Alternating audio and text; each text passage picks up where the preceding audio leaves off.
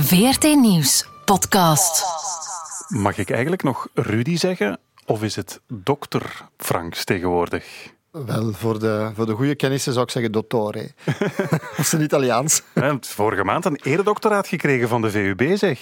Ja, straf, hè. Ja. Ja? En ik heb ook zo'n zo velletje gekregen, maar ik denk dat het geen echt velletje is. Zo'n zo hermelijn of zoiets. Dat, dat je, Oh, chic. Ja, ja, chic. Zeg, en mij zijn ze weer vergeten. Volgend jaar. Volgend jaar, ja. Zullen we er maar aan beginnen? Absoluut. Franks en Bilo. Met Rudy Franks en Vincent Bilo. Hier bij ons gaat het eh, deze maand vooral over de verkiezingen en de verschillende regeringen die gevormd moeten worden. Maar de wereld is natuurlijk groter dan die paar vierkante kilometer tussen de Noordzee en de Ardennen. Hè? Dus wij draaien het vizier al eens graag op de rest van de wereld. Op de Middellandse Zee bijvoorbeeld en de vluchtelingen die daar nog altijd de oversteek proberen te maken naar Europa. Want die problematiek is deze maand ja, verzinnenbeeld, zal ik maar zeggen, in een kunstwerk. Een uh, kunstwerk dat het maatschappelijke debat over de vluchtelingenkwestie weer ja, serieus heeft aangezwengeld. Meer daarover zometeen dus. En uiteraard heb ik ook deze maand weer een uh, opbeurend, hoopgevend cijfer gevonden waar we ons tussen al die droefnis en miserie een beetje aan kunnen optrekken. Prima, ik wacht. Vol spanning. Maar we beginnen in Italië. Want de afgelopen maand is de 58ste Biennale van Venetië van start gegaan. Het uh, tweejaarlijkse kunstenfestival dat loopt van ongeveer mei tot uh, september, over de hele zomer eigenlijk. Hè. En dit jaar wordt er op die Biennale in Venetië iets opvallends tentoongesteld. Een boot. Niet zomaar een boot, maar een sloep met een bijzonder symbolische waarde die niet alleen de zee, maar eigenlijk ook meteen de hele Italiaanse maatschappij in tweeën splijt. Het gaat namelijk om de vluchtelingenboot die in het voorjaar van 2015 kapseisde in de Middellandse Zee met bijna 800 vluchtelingen aan boord. Die boot kapseisde ironisch genoeg na een aanvaring met een Portugees schip dat de opvarenden wilde komen redden. Amper 27 van de drenkelingen overleefden de ramp. Meer dan 700 overleefden het dus niet. De VN noemde het een van de grootste massagraven ooit in de Middellandse Zee. Kunstenaar Christophe Buchel, een Zwitsers-IJslandse kunstenaar, stelt die boot nu dus tentoon als kunstwerk op de Biennale, op de scheepswerf van Venetië. En de reacties die zijn op zijn zachtst gezegd verdeeld. Deze vrouw kreeg er een krop van in de keel, vond het een heel krachtig statement om iets verschrikkelijks te verbeelden, maar zo dacht niet iedereen erover. È comunque un, un magone, voglio dire, è un, è un colpo al cuore, no? Vedere questa cosa. È un modo per raccontare una cosa terribile, però mm, ci sono altri, tanti altri risvolti. Beh, sempre mettere in evidenza delle problematiche e poterci pensare sopra, quindi creare lo spunto. L'ho vista ieri e mi ha un po' emozionato, sì. È una cosa bella l'idea che hanno avuto. Un messaggio politico sui movimenti che vogliono portare qua migrati, che vogliono diciamo riempire la nostra, nostra Italia di gente. Ja, er was ook een vrouw bij die zich echt emotioneel geraakt voelde door die boot te zien. Maar die man op het einde die was al wat minder positief. Rudy, jij, jouw Italiaans is beter dan dat van mij. Wat, wat zei hij precies? Ja, het leek wel alsof hij die boot moest dienen voor die mensen die Italië willen volsteken met migranten. Daar komt het eigenlijk op neer. Ja, ja inderdaad. Het is toch een beetje raar, want het gaat over... Het is eigenlijk een, een statement over mensen die gestorven zijn op zee natuurlijk. Maar het mooie is toch dat, ze, dat de discussie losbarstte. Dat is net wat ik ook dacht eigenlijk. Dat is toch een beetje wat kunst soms moet doen. Hè? Ja, dat is maatschappelijk ja. debat proberen op gang te brengen. Ja, absoluut. En, en de kunstenaar zelf, die wou er denk ik, heeft er uh, geen enkele verklaring over willen geven. Hè, over het, uh, nee, heeft over er het waarom en zo. niks bij verteld. Wat maar het de is wel is. kunst toont dan, of, of de Biennale van Venetië, of het, het gebruik van, want het is, een, het is eigenlijk een redelijk groot schip, het is meer dan een sloepje hoor. Um, het is een verroest wrak dat uh, pas een jaar nadat het gezonken is uit van de bodem van de zee is gelicht en dat daar eigenlijk met heel veel moeite is, is, is naartoe gesleept, want er is heel veel discussie geweest of ze dat mochten hebben, hè.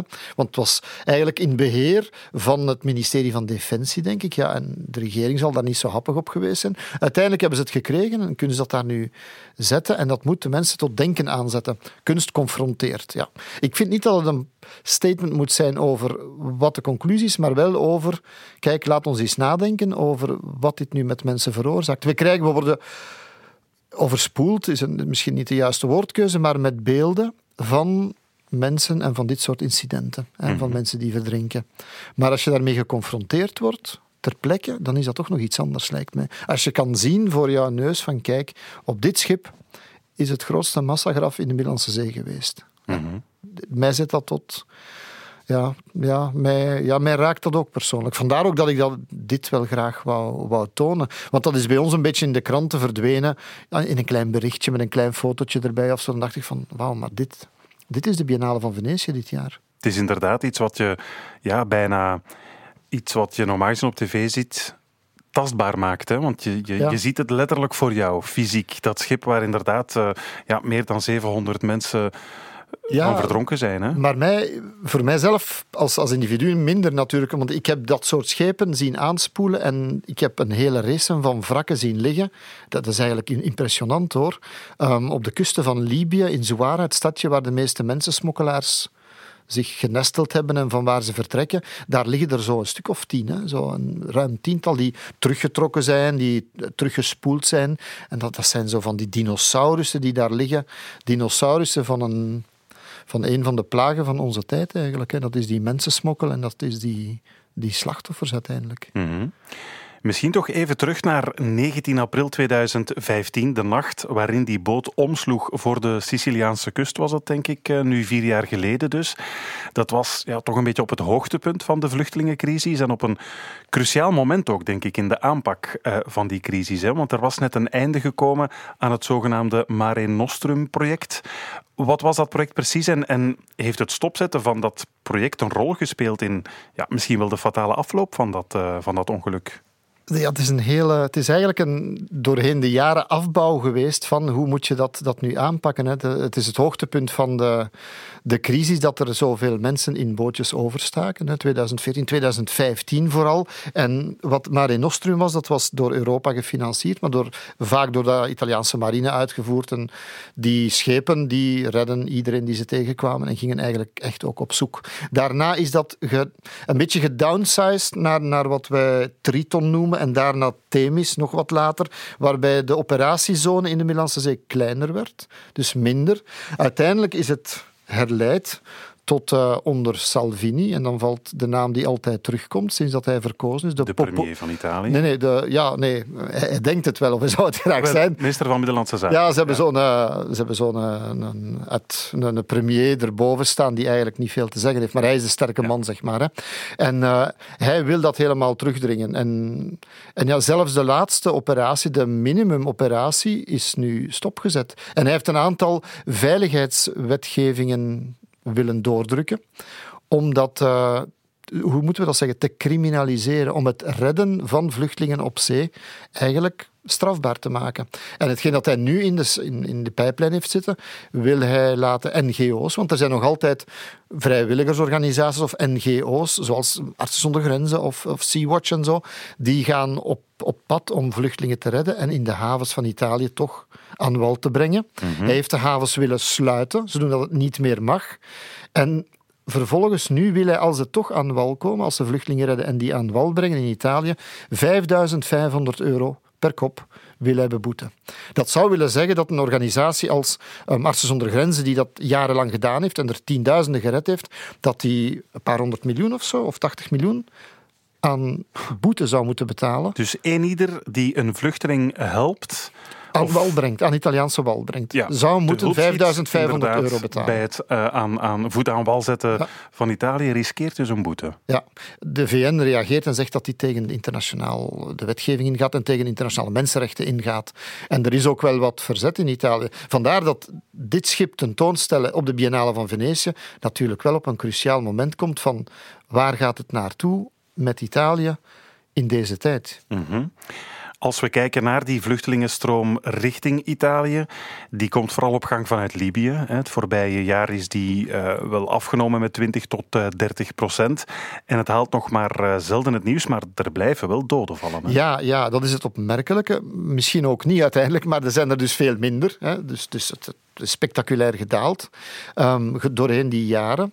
Onder meer omdat het omwille van de reden van het conflict en, en om diverse redenen, niet alleen omdat de havens gesloten zijn hoor, maar als degene die het proberen, is er één op acht die sterft. Dus de kansen als je je op zee waagt om te, te verdrinken en te sterven zijn veel groter geworden. Elke dag zes mensen die nog altijd sterven in de Middellandse Zee. Bon, dus dat, dat, telt snel op. Dat zijn er een paar, 1800 tot 2000 per jaar zeker. Mm Dat is nog altijd verdomd veel. Hè? Nu, en weet je wat, wat mij zo pakt? Is dat toen die, dit, dit schip, uh, Barca Nostra heet het project, dacht ik, um, gezonken was, toen zei de premier van Italië toen, Renzi, zei van we kunnen niet meer zeggen dat we het niet geweten hebben. Dit is een, uh, we mogen dit niet vergeten. We mogen niet zoals Srebrenica, die slachtpartij waar de wereld de rug naar gekeerd heeft in, in, in Bosnië toen. Mm uh, dat mag niet meer gebeuren. En het heeft maar een paar jaar geduurd en je krijgt een heel andere toon en een heel andere politiek erover. En wat krijg je dan nu? De havens worden gesloten. Wie dan toch wil komen, wil, uh, wordt beboet. Je krijgt een soort van criminaliseren. Het, het, ja, het, het, laten we crimineel maken van mensen die anderen gaan helpen. Mhm. En ook de, de EU-operatie Sofia, die er uiteindelijk nog was, um, die ging mensen helpen, de Italiaanse marine bij manier van spreken, als ze er tegenkwamen, want dat is een, een recht op zee. Hè. Je hebt de plicht om mensen die drenkeling zijn uit het water te halen. Dus je werd die meegepakt. Nu is het zo dat die operatie er alleen nog toe beperkt is tot het einde van het jaar, of tot in het najaar, dat men vanuit de lucht kan zien waar de smokkelschepen zijn, want het is een operatie tegen smokkelaars, mhm. dat men vanuit de lucht ze nog kan observeren, maar men niet meer van op zee kan ingrijpen. Dus de helikopters vliegen nog, de vliegtuigen vliegen nog, de schepen varen niet. En dus gebeurt er ook niks mee. Maar je ziet het wel. Allee, ik, ik vind dat iets, iets... Als ik daarbij stilsta, want daar wordt weinig over nagedacht, dan vind ik dat toch iets merkwaardig. Het is bijna ramptoerisme. nee, dat, het is registreren van de smokkelaars. En ik, ik snap wel dat je ze moet bestrijden. Hè. Maar je kan dat ook wel koppelen aan het, het, het, helpen van de slachtoffers van de smokkel natuurlijk, veronderstel ik. Maar dan krijg je die hele discussie van, is dat een pullfactor? Trekt dit dan de, de smokkelaars aan en zo? En dan kom je in het hele muddy history, het, het modderige zootje van de banden met Libië en hoe bestrijd je de smokkelaars, wat doe je eraan? Want uiteindelijk, ja, die vluchtelingen, dat is de, hetgeen wij zien, hè. Dat zijn de ziekte, de uitwendige tekenen van de ziekte. Hè. Maar het feit, die smokkelnetwerken zelf, die zitten in Libië natuurlijk. Ja, en... en verbonden met de maffia in Italië waarschijnlijk ook nog. En de vluchtelingenstroom mag dan wat afgenomen zijn de voorbije jaren. Er is wel een nieuw rapport van de VN dat waarschuwt voor mogelijk toch weer een nieuwe golf. Of dat er toch weer wat meer vluchtelingenstromen op gang zullen komen, met name vanuit uh, Libië. Hè? Ja, er bereiken mij berichten dat men zich klaarmaakt, en nu de voorbije maand zelfs, omdat het, hoe moet je dat zeggen, het zomerseizoen komt eraan. De mm. zee wordt rustiger, het is makkelijker om te, misschien zich op zee te wagen met gammele bootjes. Maar ook, mensen vluchten sneller nu misschien weg uit Libië, staan klaar, omdat er volop een oorlog woedt. Het is altijd onrustig geweest. Je hebt onder de milities geen stabiel regime. Maar tegelijkertijd heb je daar detentiecentra. Onder meer mee gefinancierd en door Europa om te proberen die menselijk te maken. Want tevoren waren dat eigenlijk gruwelijke plekken, gruwelijke kampen. Om dat proberen menselijk te beheren. Om ze daar te houden. Om ze daar te houden. Ja. Maar tegelijkertijd liggen die nu in de frontlinie. En merk je, en komen er uh, ja, verhalen binnen, en ook getuigenissen, dat, er, uh, dat ze ingezet dreigen te worden zelf in de oorlog. Als een soort van kanonnenvlees. Ze moeten de wapens aanleveren, of ze moeten misschien zelf naar de frontlinie gaan.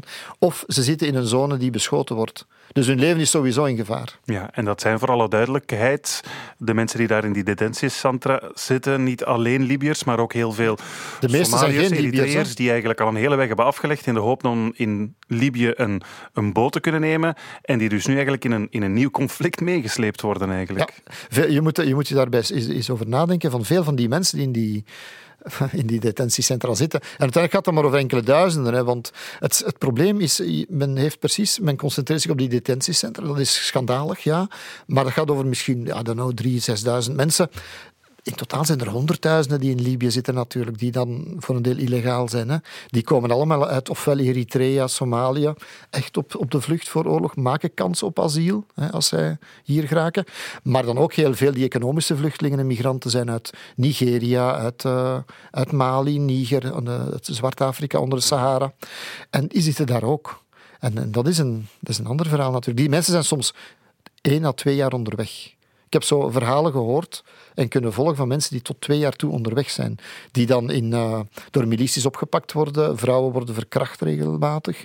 Uh, mannen worden dan gefolterd, gemarteld. Soms worden ze verkocht. Men dreigt hun organen te verkopen als ze geen geld kunnen ophoesten. Dat is, dat is de horror, hè? twee, drie jaar lang. En nu zitten ze dan vast in de frontlinie. En dat er dan nog mensen zijn die denken dat die, ja, die vluchtelingen voor hun lolletje proberen naar Europa te komen.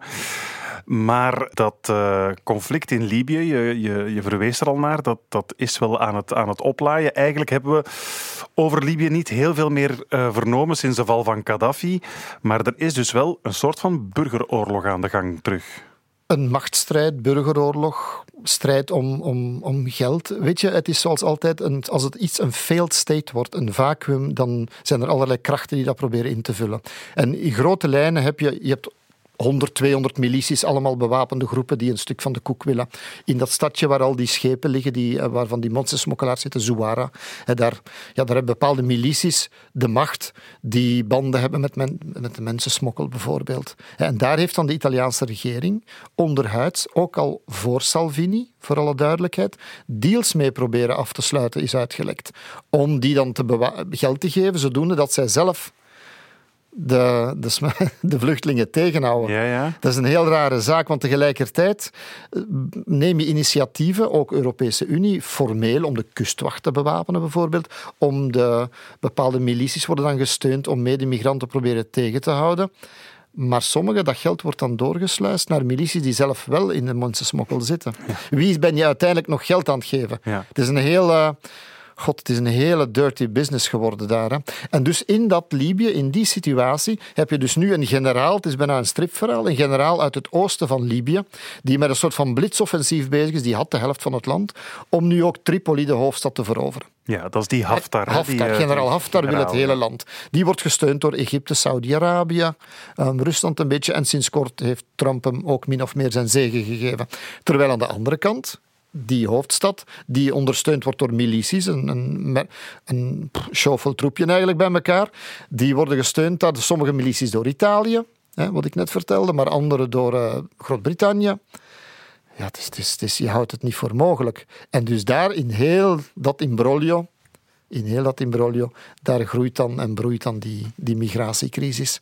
Maar het land zelf, ja, dat is, dat is niet op de rand, maar over de rand van een burgeroorlog. Een migratiecrisis die voor Italië en de rest van Europa ook minder beheersbaar wordt, al is het maar omdat ze geen rechtstreeks wij, wie ja, aanspreekpunten meer hebben vallen. Ja. Ik bedoel, aan de ene kant heb jij dan Rusland en, en zelfs een beetje Amerika en, en, Egypte. Aan de andere kant heb je dan uh, Groot-Brittannië en Italië. Maar Frankrijk steunt dan weer de generaal.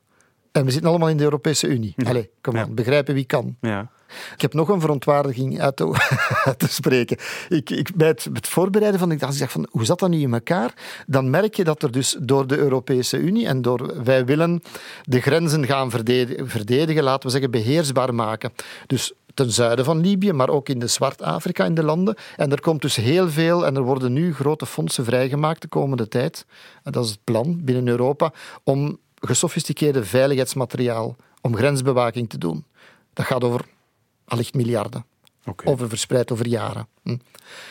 Dat is uitbesteed, of dat degenen die daar gaan de contracten van binnenrijven, zijn dezelfde bedrijven die de wapens verkopen van die oorlogenginder. Dus die gaan twee keer langs de kassa langs. Eigenlijk wel, ja. Dat is toch wel eens fantastisch, dat is, hè? Dat is... En dat is, dat is lekker in de beste fictieseries over lobbywerk in, in Washington, hè? Ja, inderdaad. Ja, absoluut. Ik, ik, zou daar eens graag echt een vlieg op de muur zijn in de coulissen daar in... Uh, in het hartje van Brussel, hoe dat die lobby's te werk gaan. Ja, nu, er wordt natuurlijk een nieuw Europees parlement geïnstalleerd, ook een nieuwe Europese commissie. Wat voor een migratiebeleid kunnen we de komende ja, maanden, jaren verwachten van Europa? Hoe, hoe gaan ze dit er is één mantra, aanpakken? Één mantra. Je kan maar open grenzen binnen Europa hebben als je buitengrenzen hebt. Je kan maar een, een entiteit als een soort van, ja, als een entiteit beschouwen, Europa, de Europese Unie zeg maar, mhm. als je daar grenzen aan hebt en die grenzen kunt bewaken en kunt bepalen wie binnen mag en wie niet binnen mag, wie binnenkomt en wie niet binnenkomt. En dat is duidelijk, dat is, allee, je kan daar ook niks tegen hebben, dat is, dat is de logica zelf. De vraag is hoe je dat doet. En als je migratiekampen, want daar gaat het dan om, ga je die detentiecentra die nu in Libië zijn, ga je bijvoorbeeld die opvang organiseren binnen Europa? En dan komt de volgende vraag: is daar solidariteit over? Want dat is de kern van het probleem voor een stuk. Italië is aan zijn lot overgelaten. Ja. Waardoor je een fenomeen als Salvini krijgt. En de mensen zo reageren van, kijk, waarom moeten zij al die mensen over de vloer krijgen? Dat hebben we hier al vaak geconstateerd. Ja. Dat al die rechtspopulisten in eh, Europa natuurlijk allemaal eh, voor eigen deur vegen. Het is te zeggen, ze van hun eigen deur willen wegvegen. ja, maar, bij eh, een gebrek aan solidariteit natuurlijk. Voilà, inderdaad. Bij elkaar geen bondgenoot Dus je moet ons elkaar, allez, je moet elkaar geen, zoals dat bij ons zeggen, geen maken. Dus je moet een, een migratiebeleid gaan voeren. Je moet de grenzen verdedigen, anders heb je geen open grenzen interne meer. En dan is de vraag hoe je dat gaat organiseren. Nu heb ik zo het gevoel dat het zo heel halfslachtig is. En men zijn, formeel mag dat niet, hè, pushbacks. Dat wil zeggen, die scheepjes terugduwen. Maar ja, we hebben wel de Libische kustwacht ge, bewapend, ge, allee, bewapend ge- georganiseerd en gesteund. En, en zodoende dat zij het werk doen voor ons. Ja, inderdaad. Ik bedoel, een tikkeltje. Ja, laten we zeggen dat het openheid en transparantie, daar zouden we toch mee gebaat zijn. Ja, er ligt nog wat werk op de plank voor Europa. Dat is wel, eh, dat is wel duidelijk. Ik heb gelukkig, Rudy, ook nog wel wat goed nieuws gesprokkeld. Een getal apart. Zo zit ik in elkaar. Hè. Tussen al die doffe ellende in de wereld ga ik al eens graag op zoek naar een hoopgevende trend. Trends die aantonen dat het eh, ja, op sommige vlakken misschien wel goed gaat met de wereld, eh, stel je voor. En niets vat een trend natuurlijk beter samen dan een cijfer. Een getal dat ik hier graag even apart neem om ons aan op te trekken. En deze maand, Rudy, is dat cijfer 31. Vorig jaar werden er immers 31% minder doodstraffen uitgevoerd. 31% minder executies dan eh, voordien. Dat blijkt uit een rapport van Amnesty International. Twee jaar geleden bijvoorbeeld werden er nog zo'n duizend doodstraffen uitgevoerd. Vorig jaar waren dat er ongeveer 700, een derde minder dus. En de secretaris-generaal van Amnesty International die was bijzonder opgetogen over die cijfers. Vooral omdat er een spectaculaire daling is in landen waarvan je het misschien niet zou verwachten. Dus landen die wij al eens zien als schurkenstaten, daar blijken die cijfers van executies toch te dalen. Daar blijken ze toch wat minder vast te houden aan de, aan de doodstraf. En dat geeft de secretaris-generaal van Amnesty International toch wat hoop. Dat zelfs in die regimes ze beginnen in te zien dat ze misschien een wat ja, humaner beleid moeten voeren. Ja, ik zie hier voor mijn ogen flikkeren Pakistan, Somalië, Ja. Iran zelfs. Hè, de, de geprefereerde schurkenstaat van het, van het ogenblik. Daar moeten we het een van de komende maanden eens over hebben, denk, lijkt mij. Vrees ik Over. Iran, ja, ja, sowieso. Maar inderdaad, Iran, eh, spectaculair. Hè? Met de helft gedaald zelfs het aantal eh, executies. Heb je daar een verklaring voor? Waarom net in landen als Pakistan, Somalië en Iran het aantal executies daalt? Mag ik nou weer eens even de, hoe heet die, die brombeer van de Muppet Show, die, die alles... Stadler en Waldorf, Ja, ja, die twee? Stadler en Ja. Waldorf ineens zijn. iedereen, ja. Ja, ja, ja. Want ik zie hier ook staan dat China wordt geschat op duizenden executies. Alleen wordt het geheim gehouden. Dus wat is een cijfer waard van wat weten we? Hoezeer weten we dat in Somalië en in Pakistan en in Iran dat die cijfers echt zijn? We moeten zich baseren op wat men heeft zelf kunnen samenrapen of wat officiële cijfers zijn. Ja, dat is één ding. Dus als je zegt duizenden in China, maar we weten het niet echt, ja, dat is al... Dat is niet min 30 procent, dat is plus 200 procent dan. Ja, misschien wel. Dat, Misschien ja, dat, wel, Dat ja. weten we niet. ja, ja, dat is- Maar goed, Amnesty International En heeft wel eerbaar, dat cijfers om te vergelijken met vroeger en zo. Dus mogen we er dan niet van uitgaan dat dat, dat misschien wel Ja, echt... ja, en dan heb ik nog iets anders om eh, van op mijn balkon in de Muppet Show. is namelijk dat er. eh, dit gaat over executies zelf. Degene die uitgevoerd zijn het voorbije jaar, ja, dat is belangrijk. Maar als je kijkt naar het aantal doodvonnissen. Ja. Namelijk mensen die zullen ter dood veroordeeld worden indien men ze uitvoert. Dat is toch wel fors gestegen. Irak is het verviervoudigd. Verviervoudigd. Verviervoudigd. Heeft dat En- misschien te maken met ehm, die IS-strijders Ja, ja, die daar nu absoluut. berecht worden? Ongetwijfeld, ongetwijfeld. Waarschijnlijk wel. En er zijn er al verschillende uitgevoerd, maar als men nu in een snel tempo de, de rest van dit jaar die andere ook gaat uitvoeren. En er zijn nog, denk ik, een tienduizendtal IS'ers die op een proces liggen te wachten, min of meer. Dus dat zou wel eens een vreselijk hoog cijfer kunnen worden. Dat van gaat als men, inderdaad over een paar jaar en spectaculair de, de doodvonnissen worden daarbij, voor zover ik vernomen heb, binnen de 10 minuten uitgesproken. Dus een echt proces is dat niet. Dus dat gaat redelijk snel vooruit. De vraag is of men het gaat uitvoeren ook of niet. Hè. Zelfs bij vrouwen. Ik heb weet van een aantal vrouwen die geëxecuteerd zijn daar. Dus God ja, dat, dat uh, doet me toch even stil zijn. En ook een ander land is Egypte. We denken dan niet als een toeristisch land en zo, nu een beetje onder controle door generaal Al-Sisi. Maar de keerzijde van zo'n militaire, ja, weliswaar met na verkiezingen, maar toch eigenlijk een militair regime voor een stuk. Generaal Al-Sisi is dan de president geworden. Um, is dat er ook een, grote stijging is van het aantal doodvonnissen. En heel veel dissidenten worden opgesloten. En, God ja, hè? het gaat wel even beter. Laten we ons daaraan optrekken, die min 30. Uh, die 30 procent minder. Maar, bon. Maar als je, zegt, als je zegt er is een verschil tussen um, doodvonnissen die uitgesproken worden en het e-, effectief executeren. En ik uh, kijk bijvoorbeeld naar Iran. Hè. Daar uh, weten we, zit nog altijd uh, professor Jalali van de VUB te wachten ja. eigenlijk op, zijn, op zijn executie. Zou je kunnen zeggen dat het misschien minder uitgevoerd wordt, maar dat het wel nog altijd heel erg gebruikt wordt als een politiek middel, als een, politiek middel, als een afschrikmiddel door...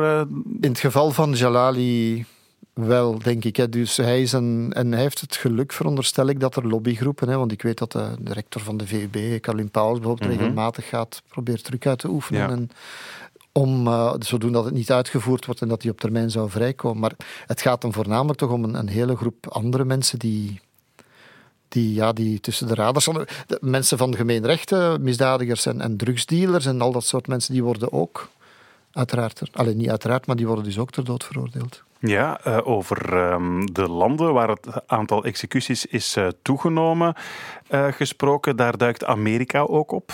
onder Trump is er een lichte stijging van 20 executies in 2016 naar 25 in 2018. Trump die stond trouwens al lang voor zijn presidentschap voor de doodstraf. Hij heeft ooit in 1989 in verschillende Amerikaanse kranten een pagina grote advertentie gepubliceerd om de doodstraf te eisen voor vijf jongeren, zwarte en Latino's waren dat, die verdacht werden van de verkrachting en de moord op een meisje in Central Park. Maar achteraf bleken die uh, onschuldig en waren ze dus onterecht veroordeeld. Ja, dat is nu net het, uh, een van de cruciale argumenten tegen doodstraf. Dat lijkt mij als, ook. Het is een onomkeerbare als je dat uitvoert. Oeps, foutje is dan wel een heel mager excuus. Ja, je zou dan denken dat, dat als je dat dan inziet, dat jouw mening veranderd, in het geval van Trump, over, over de doodstraf, maar blijkbaar niet. Nu is het wel zo dat in Amerika, het is wel gestegen van 20 naar 25, maar als ik me niet vergis, is het in de jaren 90 van vorige eeuw was het... In vergelijking met 20 jaar geleden is het inderdaad heel erg afgenomen. over hoeveel hadden we toen? Over, I don't know, 600 of, of hoeveel werden? Nee, 300 doodstraffen werden uitgevoerd toen. Ja, maar dus onder Trump wel een lichte stijging en hij is dus een voorstander van de doodstraf. Onlangs, uh, Rudy, legde hij nog uit dat de landen als eh, China en Singapore hun drugsproblemen bijvoorbeeld bijvoorbeeld hebben opgelost door drugsdealers systematisch de doodstraf te geven. En dat Amerika dat misschien maar beter ook zou doen. The only way to solve the drug problem is through toughness. When I was in China and other places by the way, I said, Mr. President, do you have a drug problem? No, no, no, we do not. I said, huh. I said, what do you attribute that to? Well, uh, the death penalty. If you go to Singapore, I said, Mr. President, what happens uh, with your drugs? No, we don't have a problem, President. I said, Really, what? We have a zero tolerance policy. Hmm. What does that mean? That means if we catch a drug dealer, death penalty. Hmm. That's it. Nu, misschien toch even om over na te denken. China heeft ook een hele tough policy tegen corruptie en, en fraude. Dus, allez, ik zou toch maar opletten. Ja, dat is waar. Nu, het blijft wel uh, verbazend, vind ik, dat de doodstraf nog altijd uh, bestaat in een westers land als Amerika. Zij het dan niet in alle staten natuurlijk. Ik dacht eerlijk gezegd dat de doodstraf uitdrukkelijk verboden werd in het verdrag van de rechten van de mens, maar blijkbaar staat daarover geen woord in dat verdrag. En ik heb eens gevraagd hoe dat komt aan uh, Eline Kind van de Liga voor de Mensenrechten. De reden daarvoor is simpelweg omdat de geesten daar nog niet rijp voor waren. Men zag dit issue eigenlijk niet als een mensenrechten-issue, maar is stilaan beginnen veranderen. Uh, in Europa is dat beginnen veranderen onder aansturen van Zweden en Oostenrijk, waarbij we dan een optioneel protocol hebben gezien. Zo'n optioneel protocol geeft staten eigenlijk de mogelijkheid om zich te verbinden, de doodstraf te verbieden voor hun land dan. Dat is eigenlijk een beetje knip- en plakwerk. Uh, nu, dat optioneel protocol is op dit moment geratificeerd door alle 47 lidstaten van de Raad van Europa, behalve Rusland. Nu, als we gaan kijken naar het VN-niveau, wereldniveau, dan liggen de kaarten iets wat anders. Uh, de VS is altijd al een rem geweest en blijft dat ook. Uh, hetzelfde geldt voor China, Rusland, Saudi-Arabië, Iran, de grootmachten dus. Ja, en wat eigenlijk ook van belang is om te beseffen, is natuurlijk van bijvoorbeeld een Europees land als België, gaan die een iemand uitleveren aan een land als Amerika waar de doodstraf nog wel geldt. Het, het heeft ook implicaties daarvoor. Of wil België of een West-Europees land dat de IS-strijders die gevangen genomen zijn in Irak mm berecht worden of niet, omdat ze daar wel de doodstraf krijgen. Er zijn politici die daar weinig morele problemen mee hebben. Hè? Ja, natuurlijk. Ja, en als je, ik denk als je een, een peiling zou houden, of een stemming of een referendum, je zou wel eens kunnen verbaasd staan. Dat is, dat is natuurlijk wel zo. Ja. Maar, maar in, formeel gezien, wettelijk gezien, is het op dit ogenblik een. Ja, het is wel een issue. Ja, wat gaan we doen met drugsdealers? Al dan niet uitleveren aan Amerika binnenkort als ze daar de doodstraf riskeren bij Trump. Hè? Ja. Misschien toch maar mee opletten. Absoluut, ja. ja. Oké, iets helemaal anders nu.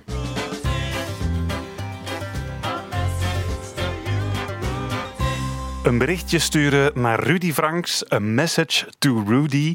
Dat kan nog altijd via ons mailadres franksnbilo.vrt.be. Ik zal het nog één keer spellen, want het zijn moeilijke namen. Franks, dat is met uh, CKX, ja. dan N en dan Bilo is BYLOO.vrt.be. Dus op dat adres kan je een bericht achterlaten voor Rudy. Niet om te zeggen dat je me een linkse activistische islamofiel vindt. Dat soort nonsens krijgt Rudy al genoeg in zijn mailbox.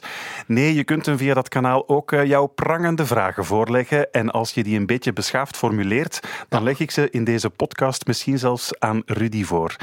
Um, dat kan soms wat opleveren qua uh, ontboezemingen. Vorige maand heb je hier nog bekend dat je niet ongevoelig bent voor al het vrouwelijk schoon in Game of Thrones. Aha, ja. Deze maand, Rudy, kwam er een uh, mail binnen onder meer van Joachim Bonaert. Beste Rudy, het is een heel korte vraag. Hoeveel talen spreek jij eigenlijk? En dat wou ik nu eigenlijk ook wel eens weten. Oeh, veel te weinig. Ik spreek Leuvens, Leuvens, ja. ja, Nederlands, Frans, Engels, Duits slecht, Italiaans. Ja, eigenlijk niet zoveel, een stuk of vier. Italiaans vijf. is toch bijna jouw tweede taal geworden? Ja, Italiaans, dat, dat, dat, valt nogal mee. Ja. Een stuk of vier, vijf. Dan maar spreek jij wat Arabisch eigenlijk? Nee, nee, nee, nee, niet genoeg, niet genoeg. Ik kan zo, als het, als het onheilspellend wordt, dan versta ik wel de, de scheldwoorden en de slogans. En... Maar zijn er zo wat sleutelwoorden die je altijd op zak hebt om, om te kunnen praten met mensen of waar, waar je bent in, in het Midden-Oosten? Ja, dan zou ik mijn, uh, mijn geestelijke knop moeten omdraaien. Maar natuurlijk om bedankt en, en, en rap. Jalla, als je mensen wil opjagen. Um, uh, als je voorzichtig met een auto moet rondsluipen.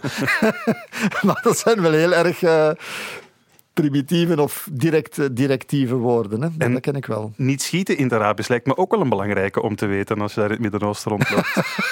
nee, dat is zonder woorden. Dat is gewoon mijn armen opsteken.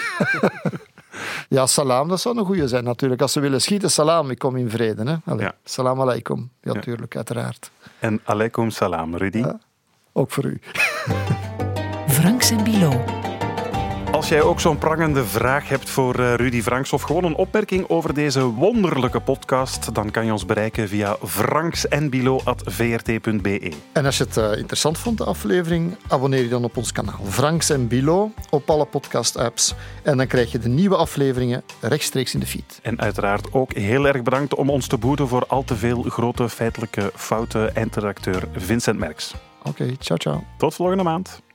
Dit was een podcast van VRT Nieuws. Je vindt er meer op de podcastpagina van vrtnieuws.be of via de podcast-app op je smartphone.